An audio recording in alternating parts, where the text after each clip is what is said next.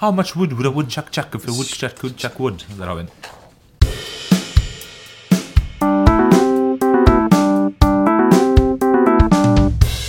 Den gang da. Hei, hei, hei, og velkommen til denne fantastiske historiske podkasten Den gang da. Eh, Jeg er Henning Mortensen. Med meg har jeg som vanlig Hans Rosvold Hontvedt og Jørgen Lie. Velkommen, gutter. Hei, og takk Hei. for det. Går det bra? Ja. Ja, det er godt å høre. I, i dag så skal vi ha eh, et tema som eh, jeg vet Jørgen du har gleda deg til. Det er vel egentlig du som har pusha dette fram. Jeg pusha temaet, Ja, ja. og det er polarhistorie. Du har en egen sære, særinteresse for det temaet, har jeg sett? ja. Og endelig et sted å snakke om det. eh, For andre enn meg sjøl. Ja, polarhistorie er først og fremst utrolig mye gode historier. eh, Og mye sinnssyke historier om eh, ganske mm, ja, spennende ekspedisjoner. Ekspedisjoner som burde gått galt, ekspedisjoner som gikk galt. eh, Men som alle etterlater seg et spor av lærdom, da, kan vi si. Og det er godt du sier, for jeg, akkurat på det temaet her så føler jeg at jeg har mye å lære. Okay. der er det Jeg er ikke veldig belest når det gjelder polarhistorie. Eh, jevnt over så er det ikke mye mer jeg kan lære, men akkurat polar, polarhistorie har jeg en del å lære. Men før vi begynner med dagens tema, da må vi innom spalten om forlatelse. I dag er det I dag er det meg, og det, det det, smerter meg. Altså, jeg, jeg vet ikke, Det som er morsomt her, hvis folk hører på det her i rekkefølge tallmessig, uh, så skal vi nå beklage for noe som skjedde i episode to, Ja, det er Antikken. sant. Det er uh, interessant. Og fordi det var den forrige vi spilte inn. Ikke tenk så mye på akkurat det.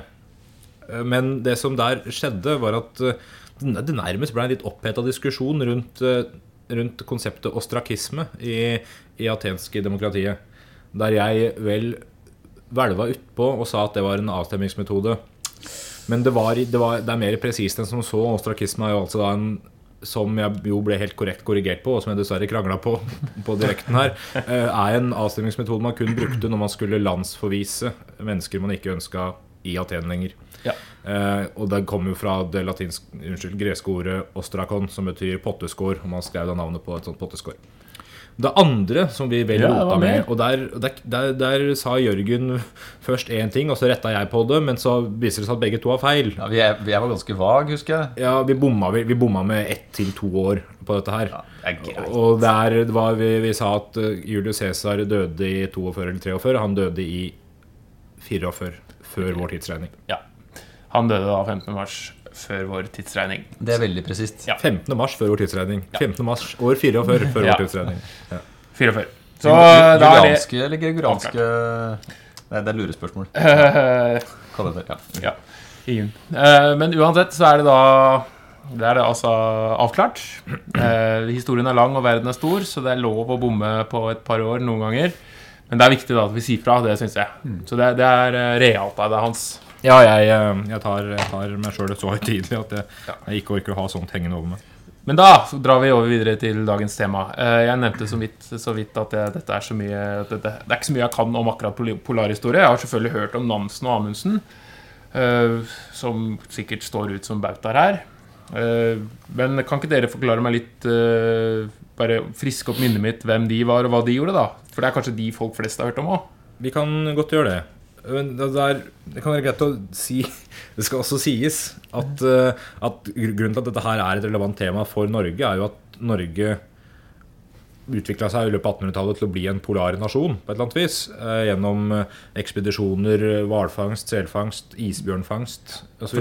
Det har jeg fått med meg, at Norge er best i verden på å dra til kalde steder og Ja. bli der lenge. Ja, det, hele Norge er jo fundamentert på at noen på et eller annet tidspunkt dro til et kaldt sted og blei der. Eh, Norge, med andre ord.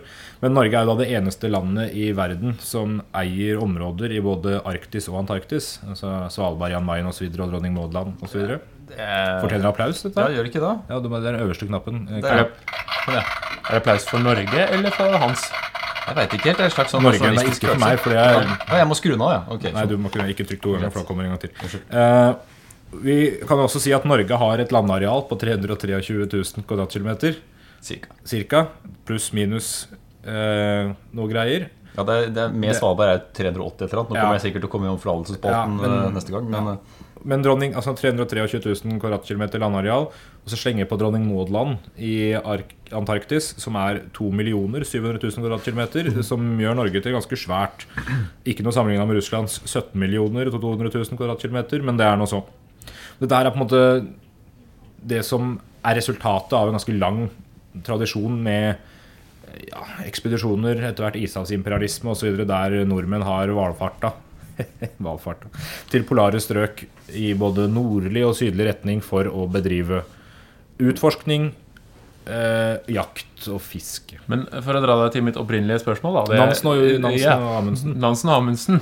Ja, eh, Vi kan jo starte med Nansen. da. Han var jo ikke først, på noen måte. Vi har jo noen som holdt på før det, men Nansen er jo en av de mm, ja, det virkelig store. Eh, landsfader og senere FN-ambassadør. Folkeforbundet. Folkeforbundet, forløperen for FN, nominert til fredspris, fikk, fikk fredsprisen. Eh, og, ja, men det, dette var jo etter alt det han gjorde, fordi han var jo en typisk eh, mann av sin tid. Eh, eh, kunne veldig mye forskjellig. En håndverker, en utdanna fagmann. eh, hadde skrevet doktorgrad i biologi, tror jeg. etter et Ja. eller annet, eh, og, eh, og kunne bruke masse vitenskapelige instrumenter for måling av Og lagde Og lagde instrumenter. Det er på en måte for siden. Og i tillegg til det så var han jo en eh, ganske standhaftig fyr med tro på seg sjøl, som eh, hadde et spesielt ønske om å være der det var kaldt. Eh, og mest kjent er han jo for to ekspedisjoner. Det første var Grønlandsekspedisjonen i 1888.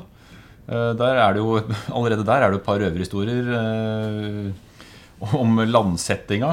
Det er gøy. Altså eh, Det som skjer, er vel at Nansen Nansen lar seg inspirere til å, til å dra til Grønland. Eh, og legger i vei med et team. Altså Planen er jo Planen er å å krysse, krysse kontinentet Grønland, og se om eh, de, Man var usikker på om det var en øy, blant annet. Det Ja. fant man ikke ut før litt seinere. Men, eh, men ja, i hvert fall de skulle i land. Og det, Var det Astrup som senere fant ut at det var en øy? det var Astrup sammen med Peary, tror jeg. Ja, ja, Astrup Eh, Perry. Men det, det er noen år senere. Hvis vi Kan holder vi ikke bare se på kartet? Se, ja, Det er et godt poeng. Ja. Ja, ekte latter. Ja, den var ekte. Ja. Oh, Uansett. Eh, Nansen og teamet drar sydover Sydover? Vestover til Grønland. Nordvest, faktisk. Og blir da satt av For de som ikke har vært på Grønland, så kan vi si at eh, Grønland Nå vet vi at det er en svær øy med en kyst som i vinterhalvåret er prega av mye is. Eh, De blir satt av på noen jækla svære isflak. For man kommer jo ikke inn til kysten. De kommer ikke inn til kysten, så de blir satt av på isen. på en måte, Og planen er å da drive inn til kysten med den isen. Og da alt utstyret, alt folket og disse båtene sine da, skulle drive inn. Ja, For man tok jo sjansen på at det skulle gå greit. Ja, det, Men det gjorde jo ikke det, fordi Nei. de hadde ikke kalkulert riktig med havstrømmer, som fremdeles var i utforskningsfasen. Og de dreiv feil retning. Ut fra land. Ut fra land. Og dreiv og dreiv og dreiv. Og hva de dreiv med mens de dreiv, det er jeg litt usikker på. Men, men de, de blei mer og mer stressa, da. Fordi de, de hadde jo en viss tids, tidspress til å komme over øya i tide før vinteren virkelig slo inn. For når, i vinterhalvåret så går, det, så går det ikke an å komme seg tilbake til Danmark igjen eller Norge med båt. Så de, så de drev lenger og lenger vekk. Etter hvert så snudde hellet, og de begynte å drive andre veien. Og når de da endelig la ut på disse robåtene for å ro inn til kysten, så rodde de vel i fem uker før de traff Grønlands kyst og kunne begynne å gå. Og da begynte de å Nå svetta de litt i skjegget, gutta, ikke sant?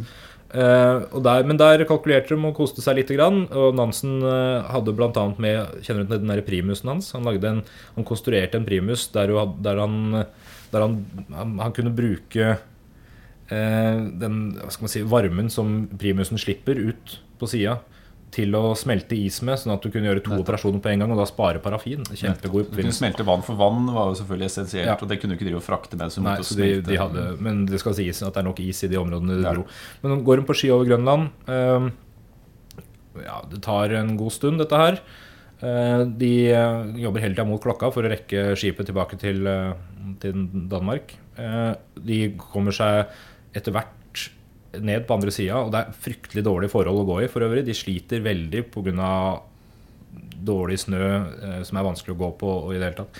Når de kommer seg ned, så gjør Nansen noen oppdagelser. Det kan være verdt å nevne, fordi de får jo mer ut av dette her enn å bare ha gått. De oppdager bl.a. at Uh, at de, Det er kaldt på Grønland. det er kaldt på Grønland, og så finner de en del sand med, med fossiler og skjell i. som forteller at, at det på et eller annet tidspunkt har vært mer is oppå Grønland, som har trykka landet nedover tidligere. Dette her var et, eh, en form for ja, om ikke bevis, så i hvert fall eh, styrka teorien om at eh, klimaet endrer seg, i motsetning til hva man innimellom trodde tidligere, at klimaet var mer eller mindre konstant greie. Men eh, når man da endelig kom ned og kom fram til eh, destinasjonen, som de for øvrig måtte endre underveis pga. noen dårlige forhold, så rakk de jo ikke den båten. Selvfølgelig. Eh, selvfølgelig. Da måtte de overvintre på Grønland. Eh, og fikk god hjelp av inuittene til å lære masse om antrekk og andre polare Ja, det skulle vise seg å være viktig for Nansens eh, polare ekspedisjoner seinere. Det er jo sånne tilfeldigheter som ja, Om det var tilfeldig, jeg veit ikke. Altså, han, han, han var en åpen fyr, da, eh, har jeg fått inntrykk av. Jeg kjente han jo ikke ettersom jeg er født eh, da jeg er født. Men han, han virker som han er i stand til å måte ta inn over seg kunnskaper i en tid hvor kanskje ikke eh, urbefolkningen sto høyest i kurs. Nei, det er- Nei, men det, det, det er et godt poeng, fordi han, han tok jo altså, Han tok jo inn over seg informasjon og lærdom fra folk som mange kanskje mente uh, var mindre utvikla enn det Men det er jo fra mitt perspektiv lurt. Altså, hvordan skal du bli bedre på å være områder hvor det er kaldt? Høre med de som bor der det er kaldt. When in Gotthob, du er til Gotthobbens. Yes. Ja, Ja. ja, Når de snakker om nei, de snakker om villmenn, så var det jo, de levde jo som villmenn, og det er nok lurt å leve på den måten hvis de først skal være der. Ja. Men uh, han kommer tilbake og blir folkehelt, ikke sant? Ja, og ikke for siste gang. Uh, Nei. skal, vi, skal vi hoppe rakt til Fram-ekspedisjonen, eller så får vi liksom Ja, ja, for nå har han gått på Grønland. Det Ja. Og lærer seg masse, gå på ski uh, og Konstruere gode norske ski. For ja, ja, Smørfri, eller? Ja, det var nok Nei, det er mulig å bruke noe tjære og smurt med tjære. øst, øst, Østbymiks. Men uansett. eh, Det mange kanskje først og fremst forbinder med Nansen, det er jo Fram-ekspedisjonen. Eh, Nei, 1893 til 96. Og Utgangspunktet for denne ekspedisjonen det var at man skulle forsøke å nå Nordpolen. Det var jo en rekke ekspedisjoner som skulle. Og Måten man hadde planlagt å gjøre det på, det var å kjøre skuta så langt opp som mulig. Og la seg fryse fast. Og så måtte, hvis man har flaks, da, drive over Polen. For i Polen er det jo ikke noen landområder. Nei, men det, altså, det, det å drive over Polen det, Her kan man trekke inn en vitenskapelig bakgrunn nå. Fordi ehm, det var en uh, norsk geolog vel som hadde uh, Som hadde begynt å stusse på en del uh, sånn drivved. Uh, I polare strøk så har jo urbefolkning alltid benytt, og fangstfolk alltid benytta seg av drivved til å bygge ting osv. Men man har aldri helt visst hvor drivveden kom fra. Eh, og så var det vel den amerikanske ekspedisjonen Jeanette som hadde stranda i, i Nordpolområdet noen år tidligere. Man fant plutselig en del drivved så langt ned som jeg tror det var, kan være sydlig Grønland. Ja. Og dette her ga den norske geologen en teori om at det er havstrømmer som går i den retninga vi nå vet at det går i. Eh, Nansen tenkte at dette her kan han for det første benytte seg og for det andre kanskje prøve å bevise. Ja, og så um, utruster av en ekspedisjon som uh, er ment å ha mulighet til å vare ganske lenge. Man veit ikke hvor lang tid det tar. Og uh, bare det å liksom fryse seg inn, da er du stuck i et halvt år eller sju eller åtte måneder før det er mulig å løsne av våpenet igjen. Uh, I hvert fall, Jeg husker ikke om det var første eller andre vinteren der, så går det opp for Nansen at de klarer ikke å nå Polen ved å drive. Ja, det er dårlig erfaring ja, med å drive han både Grønland Ja. og Så Ja, dårlig- han, det, han prøvde igjen, men driften gikk dårlig. Han gikk Ja, ikke i riktig så- retning alltid. Og, Så for å på en måte gjøre et forsøk, da, som han sa også, gjøre et forsøk på å nå Polen, så, mm, så utruster han en uh, hundeekspedisjon sammen med da sin kompanjong Johansen, altså Hansen og Johansen. Hansen. Unnskyld, Nansen og Johansen. Hjalmar Johansen, ja. Ja, eh, en annen hardhaus som jo skal bli viktig i mange senere ekspedisjoner, bl.a. med Amundsen. På det tidspunktet her eh, ung offiser, vel. Og, Ja. Og jeg er mest fascinert av det som den eh, først og fremst eh, menneskelige her. Altså her, her utruster de med en ekspedisjon som gjør et forsøk, og så og man er på en måte i ødeland. Man er ikke noe sted. Men det er man, ikke landjord der. Det er viktig å huske. Ikke landjord, det er is. Og så eh, kjører de av gårde eh, i hundeslede eh, og forlater skuta. Veit ikke om de kommer til å se dem igjen. Skuta har fortsatt folk i seg, og de veit ikke om de kommer tilbake. skal sies at de ser dem igjen ganske kjapt, da, for de må vel starte en to-tre Ja, ganger. de starter et par-tre ganger Før de må snu og Ja. laste om. Og, Ja, ja. uansett.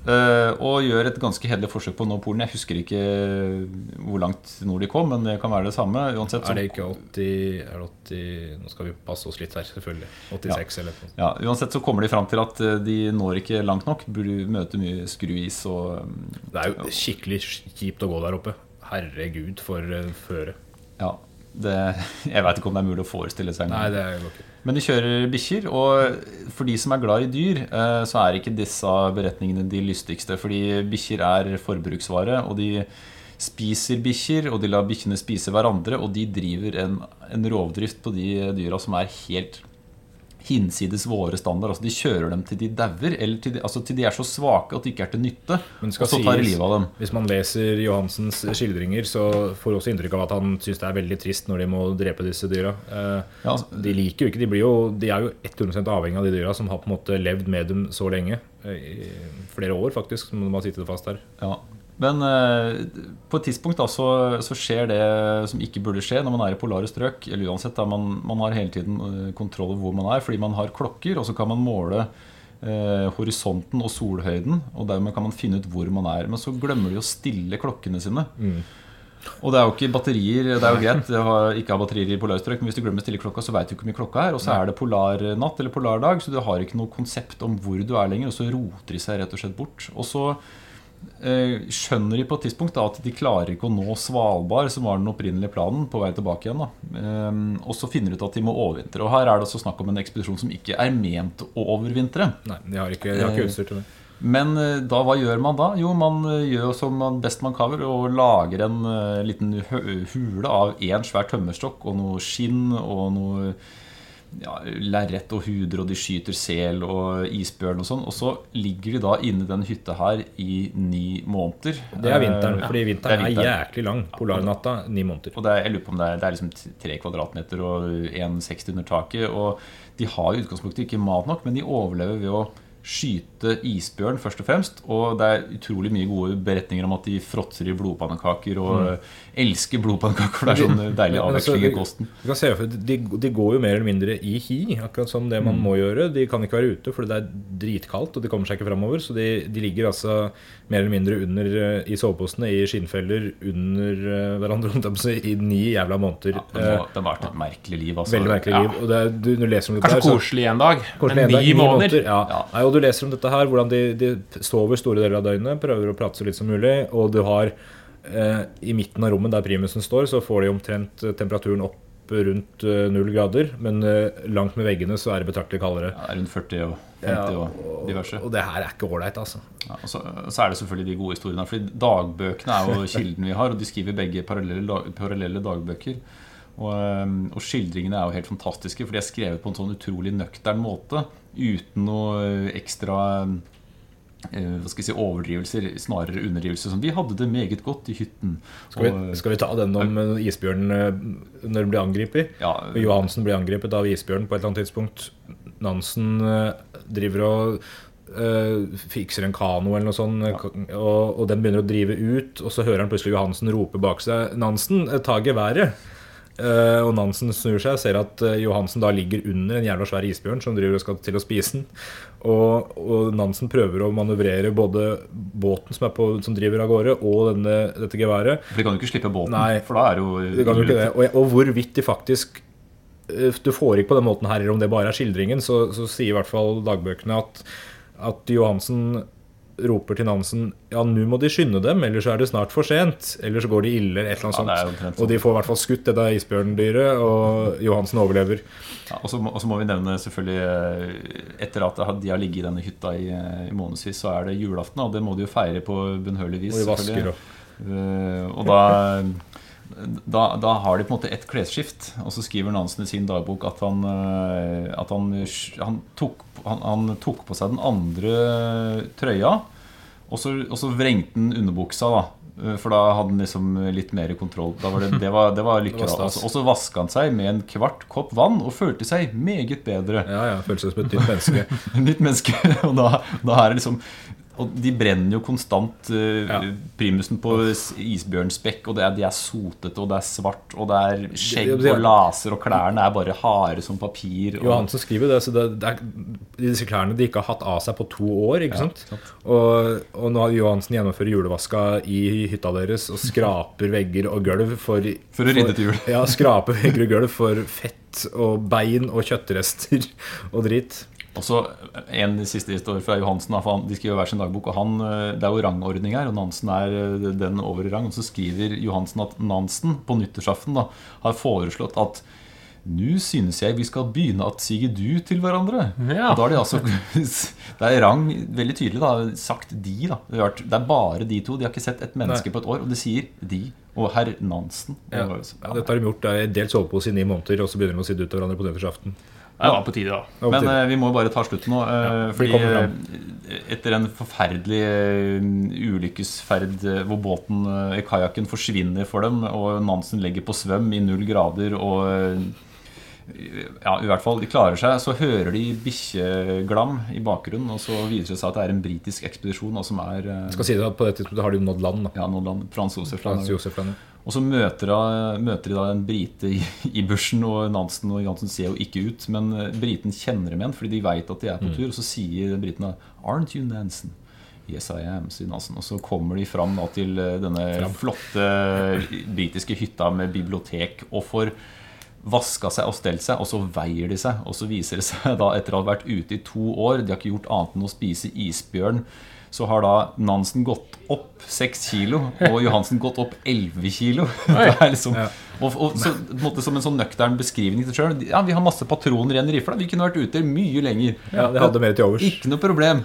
men, så. Men så kommer de altså tilbake til, eh, til Norge, eh, og etter mye om og men møter Fram-ekspedisjonen der, som helt sinnssyke tilfeldigheter løsner fra isen omtrent samtidig og drar tilbake igjen, sånn at de møtes omtrent samtidig i, i Norge. Ja, Tromsø, er det ikke? Altså, Ja, sånn ja, og er fantastisk flaks. eh, på vei nedover. Ja. Men, og de blir jo hyra som helter. Det man bør kunne spørre seg, er hvor forsvarlig det er. Ja, Hvis det ikke hadde gått bra med verken enten Fram eller med Nansen, så kan man jo problematisere hvor god avgjørelsen til Nansen var å forlate hele mannskapet sitt og legge av gårde på en sinnssyk ferd uten noen som helst form for formening om hva som skjedde. Eh, Men det gikk bra, så da slipper vi å teoretisere rundt det. Johansen derimot gikk det ikke så bra med. Han skjøt seg noen år ja, det er en annen historie. Men, eh, Ja. men ja, det er, Det er mye var, som må det var Nansen. Ja, det er en fantastisk historie. Amundsen, hvis vi fort inn på han. Han nådde er? Sydpolen i kappløp med Scott. Ja. det er liksom Et ugreit kappløp. han er, det er ikke det at jeg ikke har sansen for eh, Amundsen, mer sansen for dansen, skulle jeg til å si. Men uh, Amundsen er jo mer, som virker mer kalkulert i huet mitt. Uh, Nansen er liksom den store villbassen, og så er Amundsen han som er ute etter eh, mer ære, kanskje. Jeg tror det, jeg tror det sånn. Eh, nå er selvfølgelig- jeg kjente jo ikke Amundsen heller, men eh, men den historien er på en måte, som jeg sier, fortalt annet steds. eh, Men det er en fantastisk spennende beretning, det òg, med kappløpet mot Scott eh, i 1911 og 12. Det er verdt å ta det nå. Fordi altså de Går vel ikke så bra med Scott. Nei, han- Scott går det dårlig med. Amundsen er jo, han er jo dyktig. Han, de, de, de planlegger dette her til punkt og prikke. ikke sant? Legger ut uh, forsyninger i flere runder og er bor på, uh, på Antarktis eh, en vinter eller noe sånt først og planlegger dette her og legger ut forsyninger. Og så når de da endelig begynner å gå, så har de da mulighet til å plukke opp disse forsyningene på vei til polpunktet og på vei tilbake igjen. En fin historie når de nærmer seg polpunktet. Amundsen går ikke først. Det er en, en annen kar som jeg ikke husker hva heter i farta. Eh, han han forteller at eh, når han, eh, når han skjønte at de nå nærma seg polpunktet, og det var bare noen få hundre meter igjen, eller noe sånt, så lot han som at bikkja hans, eh, ikke- hans, ikke ville dra lenger. eh, Så han måtte stoppe, og Amundsen tok den igjen og spurte hva som skjer. Nei, hunden min vil ikke gå lenger, sånn. Og, og Amundsen sa nei, det var rart, den har jo alltid villet tidligere. Ja, nei, det var veldig rart. eh, veldig rart. Uh, ok, Amundsen prøver da å få bikkja til å gå, og da går Amundsen først for å få hunden til å følge etter ham. Og på den måten så lurer altså denne karen Amundsen til å komme først til polpunktet. Det er som å gi, la et barn vinne i Kina- kinasjakk. Det er juksekabalen. det. Juksekabal. Ja, ja. Det er greit det du kan vinne. Så Amundsen, sikkert eh, uten å noen gang få vite det, var først i polpunktet fordi en av de andre på ekspedisjonen lot den gjøre det. Det var jo snilt, da. Ja, og, så er det, og så er det Scott på andre siden, som jo er den britiske store helten. Og han, eh, mens Amundsen bruker bikkjer, så er eh, Scott opptatt av motorsleder i Fremskrittets ånd og ponnier fra Sibir som ikke fungerer noe særlig. De og ender opp med å dra, altså manhauling. De drar kjelkene sjøl og pådrar seg skjørbuk og for dårlig kosthold og et sinnssykt slit. eh, Og Det kommer fram, da.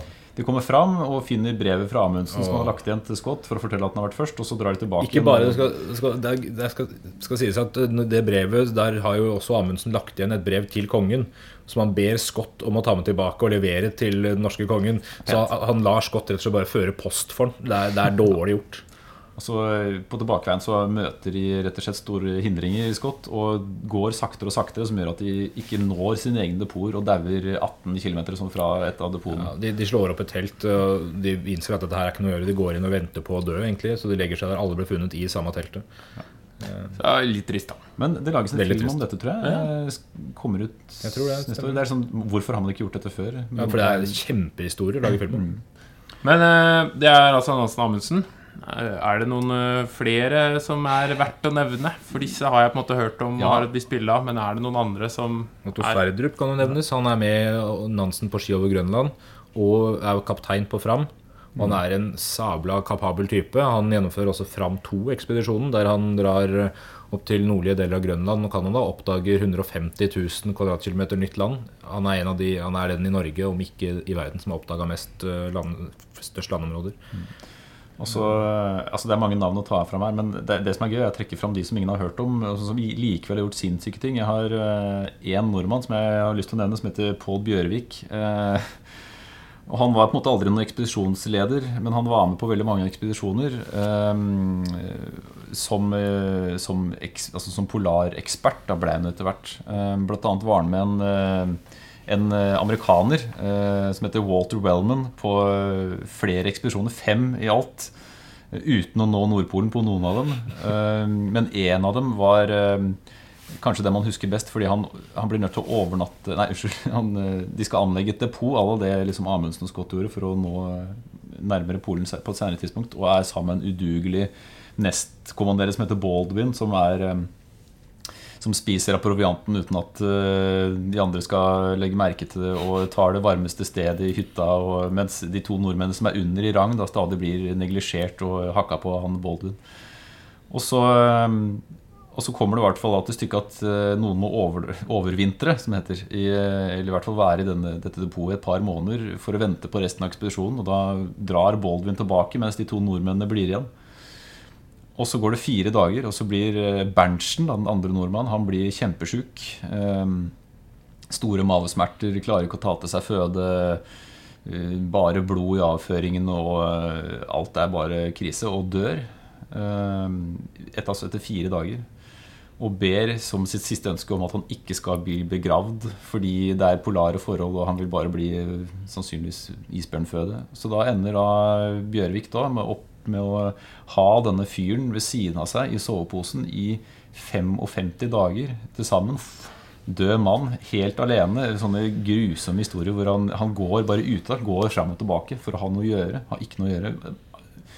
Mens han fyren ligger inne og venter på den. Da. Og så kommer da ekspedisjonslederen til hytta da, etter 55 døgn og, um, og møter en Bjørvik som ikke har sett folk annet enn han døde fyren da, i 50 dager, 55 dager. Og så, og så er han tilsynelatende veldig oppegående, veldig opptatt av øh, sin sjef. da, ja, 'Vil du ha kaffe?' Og, 'Ja, hvor er Berntsen?' 'Nei, han er død'. 'Ja, hvor er han begravd?' 'Nei, han er ikke begravd, han ligger ved siden av meg i posen'. Oh, det er sykt. Og, ja, og dette er jo én ekspedisjon. Og i en annen uh, historie så er han med i Antarktis på en tyskledet ekspedisjon hvor kapteinen har syfilis og blir gæren og dør, og de blir satt i land på et isflak som sprekker opp. Og ja og klarer liksom aldri å, å nå målene eh, sine. Og i tillegg til dette da, så er da Bjørvik Han er jo far til seks sønner. Fire av dem mister livet i polare ekspedisjoner av forskjellig slag.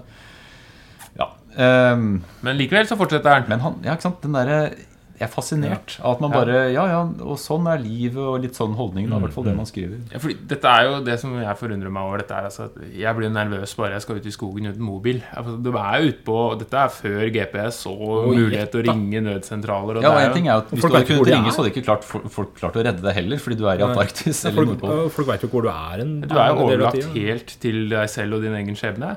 Og da er jo et naturlig spørsmål hvorfor i pokker skal de ut og fryse på disse områdene? Altså, kan, du, kan, du, kan du svare på den? Nå har jo vi prata med. Hva, hva tenker du? Jeg, jeg sliter litt med å forstå det. Altså, jeg, jeg, det er jo en slags eventyrlyst kanskje som ligger Ja. latent her for den individuelle, men det handler jo litt om nasjonsbygging. Ja, Noe handler om nasjonsbygging. Det skal sies at Som Norge som Det er ikke bare nordmenn som, som gjør dette, men nordmenn får det gjennomgående bedre til. da ikke sant? Tradisjonen, norske tradisjonen, i hvert fall for polturer og polturer eh, tur på polet, ja. Helt annet. For Invadere Nordpolen. For pol, eh, ja, polferder var jo Kan vi spore tilbake til Ottar og greier, sant, som er opphavet til navnet Norge eh, i vikingtida og i det hele tatt. Og som, men når du måtte, Fra ja, 1600-tallet og framover så er jo norske folk som drar på selfangstturer til stadig nye områder. ikke sant? Og så på 1800-tallet så blir det et større, større, behov både for ressursene og ikke minst for, for oppdagelsene. Og da kan vi trekke inn det nasjonale. Ikke sant? De som kommer tilbake, blir jo helter. Og det her gir jo selvfølgelig mersmak i en tid der Norge i utgangspunktet prøver å bygge en egen nasjon eh, etter Ja, frigjøringa. Trenger trenger heltene. Etter, etter frigjøringa fra Danmark i 1814 og i en eh, union med Sverige som stadig går mot et skjørere og skjørere punkt, så er det behov for å, for å sørge for de nasjonale heltene. Og Norge blir en ganske viktig internasjonal aktør i, i polområdespørsmål. Og anerkjent. Hadde Og det, og det er forskning. Det er forskning bak dette her. Hadde svenskene noen gode Ja, de har selv, da. ja nord, nei, han er finsk, eh, er finsk, men ja. bodde i Sverige, så det Ja, blir riktig, finnene veldig sure på. Hvis man Beklager finnene. Så det, det blir overlatelsesnesten. Men du har jo eh, han eh, Åh, Lindstrøm. ballongfareren. Nei, Bifala Lindstrøm. Nei, han ballong... Eh, André. Mm. Eh, polar, nei, ballongferd-André. Og han eh, går det jo ikke så veldig bra med, da. Han kan jo folk titte opp i sjøl. Han var ikke døpt eh, ballongferd, André. Altså. Nei, men han, skulle, han skulle til Polen eh, ja. med ballong, og det går jo ikke bra. Arne Men- Bendiksen skrev en låt om han en gang. Jeg vil ha en blå Blå ballong. ballong, ja. Det var, det var Ja. André ekspedisjonen, ja. Nei, den kan, men ja. Jeg har, eh, jeg har én røverhistorie til, men den er jo ikke norsk. Vi skal vi eh, vi, Er det Shackleton? Ja, vi rekker en Det liten er Shackleton. Eh, Fordi altså, Nordmenn er jo veldig glad i å snakke om sine egne polarhelter, men det finnes jo en og annen da som har gjort noe utenom nordmennene. Ved siden av Scott, som ikke fikk det til, så er det jo kanskje en av mine personlige favoritter, Ernst Shackleton. Nesten bare på grunn av at han, fordi han har så tøft navn. Altså Shackleton. Ja, Shackleton, Ernest Shackleton. Og han var en, eh, en av de både før og etter Scott. Scott der var jo 1912. Eh, Shackleton var på en måte både før og etter. Eh, Og han var kjent som en rimelig eksentrisk fyr. Annet i intervjurundene hvor han søkte etter folk som eh, ikke nødvendigvis hadde gode egenskaper, men de skulle være litt sånn typer. da, så han eh, de ble- Ja, ja, de ble bedt, de ble bedt om å Man sjekka temperamentet, om de, en ble spurt om å synge og liksom Litt sånn Arle Jarle, hva heter han? Jarle Anne. Ja. ja. Ja. Og jeg ser for meg at det er ikke Det er mulig altså Det er greit å le av det, men jeg tenker at noe av det er også knytta til moral. tenker jeg At man skal ha noen Ja. typer på en sånn ekspedisjon når man ikke ser folk. Mm. og det som tenkte litt sånn i utvelgelsesprosessen. Men han, han har gjort mye, men han kanskje, huskes kanskje best for eh, en redningsaksjon eh, hvor han drar ut fra en, en øygruppe som heter Sør-Georgia, hvor det siden eller, ja, det blir drevet hvalfangst der da, fra første halvdel av 1900-tallet. Eh, og skal og fryser fast i isen. eh, Og de finner ut at skuta eh, kommer til å gå ned, og det gjør den også. Og så eh, slår de leir på isen utafor der hvor båten etter hvert synker, og lurer på hvordan de skal komme seg til land igjen. Um, Dette er syd. Eh, Ja, sy ja, i Antarktis. Dette er 1915, altså etter Amundsen. Da. Og der er de i fire måneder på dette isflaket eh, og funderer på hvor de skal dra. Kanskje en øy i den retningen. Ja, dit er det 1000 km. Dit da, nei, der er det 800 km. Finner ut at eh, de skal forsøke å nå Elephant Island, eller Elefantøya, som er en øy sør for Argentina. Og etter fem dager i åpen båt, for de har da livbåten etter den svære båten, så når de Elephant Island. Kommer dit, forblåst og jævlig øy, uten beskyttelse og is, og den antarktiske vinteren er i ferd med å komme. Så finner de ut at nei, vi må til altså bemanna eller bosatte strøk. Og på det tidspunktet her så er det 1300 km til Sør-Georgia. Altså 130 mil, det er omtrent avstanden Oslo-Bodø. Eh, og da finner vi ut at vi må forsøke å nå den, fordi det er et område hvor ingen skipsleier har trafikk. Det er ingen som veit hvor de er, for de er ute av kurs, og de kommer ikke til å bli redda. Og da utstyrer de da den ene lettbåten da, på 22 fot, eller noe sånt, og så skal de da ro og seile denne distansen. Og så tar de med seg mat for fire uker, fordi som Shackleton tenker sjøl, hvis det tar mer enn fire uker, så er vi daue uansett. Så da bare lar vi være. Det er så pragmatisk og fint. Og når da, mot alle odds, denne Sør-Georgia-øya. Og den dagen de kommer fram, så er det natt. Så venter de til det blir dag for å liksom gjøre landsetningen eh, bedre. Og da blir det orkan. Så de bruker ni timer på å buksere båten inn til Sør-Georgia. Finner ut at de er på motsatt side av øya sammenlignet med bosetningen, må da gå tvers over øya for å nå folk, og de er jo i forferdelig forfatning. Eh, Men klarer det, og bare tre-fire dager etterpå så utstetter de da den neste ekspedisjonen som skal kjøre tilbake til Elephant for der er resten av mannskapet. Fordi alle fikk ikke plass i lettbåten, så da kjører de da tilbake igjen med en annen båt.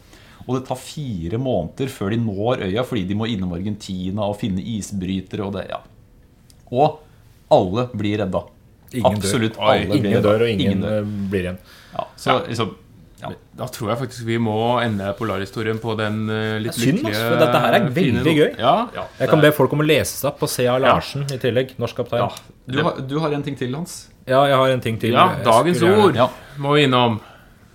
Ja, og det, denne gangen eh, Skal du ikke kjøre den i- tidligere introen din med lyden? Jo da, jeg skal gjøre det. Denne gangen så, så er det noe som passer seg veldig godt for temaet. Det er inuittisk uh, ord, dette her. Hvorvidt Nansen ble, ble ja, Det kan faktisk hende det ble brukt mens folk satt og venta på Nansen. Uh, fordi ordet Nei, fader. Unnskyld. Skal vi se. Jeg må, Vi vet ikke om det er morsomt eller det, her var, det her var riktig. Det var feil knapp. Et øyeblikk. Nei, vent, da. Skal vi se. Hans, det er ikke noe problem. Ja, ja. Der, ja.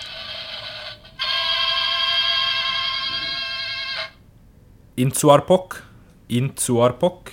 Det er frustrasjon ved å vente på noen du skal møte. Uh, og den frustrasjonen kjenner vi jo alle på. Og jeg vil tro at en del av grønlenderne kanskje som eh, Ikke, at, de, ikke, at, de, ja, ikke at de visste uh, at Nansen var på vei, men hvis man venta på Nansen, Amundsen, Larsen, Nordenskjøld, Bjørvig eller whatever, så venta man lenge. Og den frustrasjonen må ha vært formidabel. Var, og det er kanskje noen som føler på den nå, for vi har et møte som begynner nå om eh, få strakser som vi må på. Det er redaksjonsmøte. Ja, Ja, ja. Eh, Så takk for Jeg har eh, oppfylt min, min formål med dagen, eller mitt mål med dagen. Det var å lære masse, og det har jeg gjort. Takk for mange gode historier. Jeg føler jeg kan mer om polarhistorie nå enn det jeg kunne før. Skulle vi kalt episoden 'Polarhistorier'? For at polar, polarhistorier. Ja. Så håper jeg lytterne føler det samme. Så jeg takk for i dag. Takk for i dag. Det var veldig Ses vi hyggelig. vel snart igjen. Det håper jeg. Eller høres. Eller høres. Ja. Ha det bra. Ha det.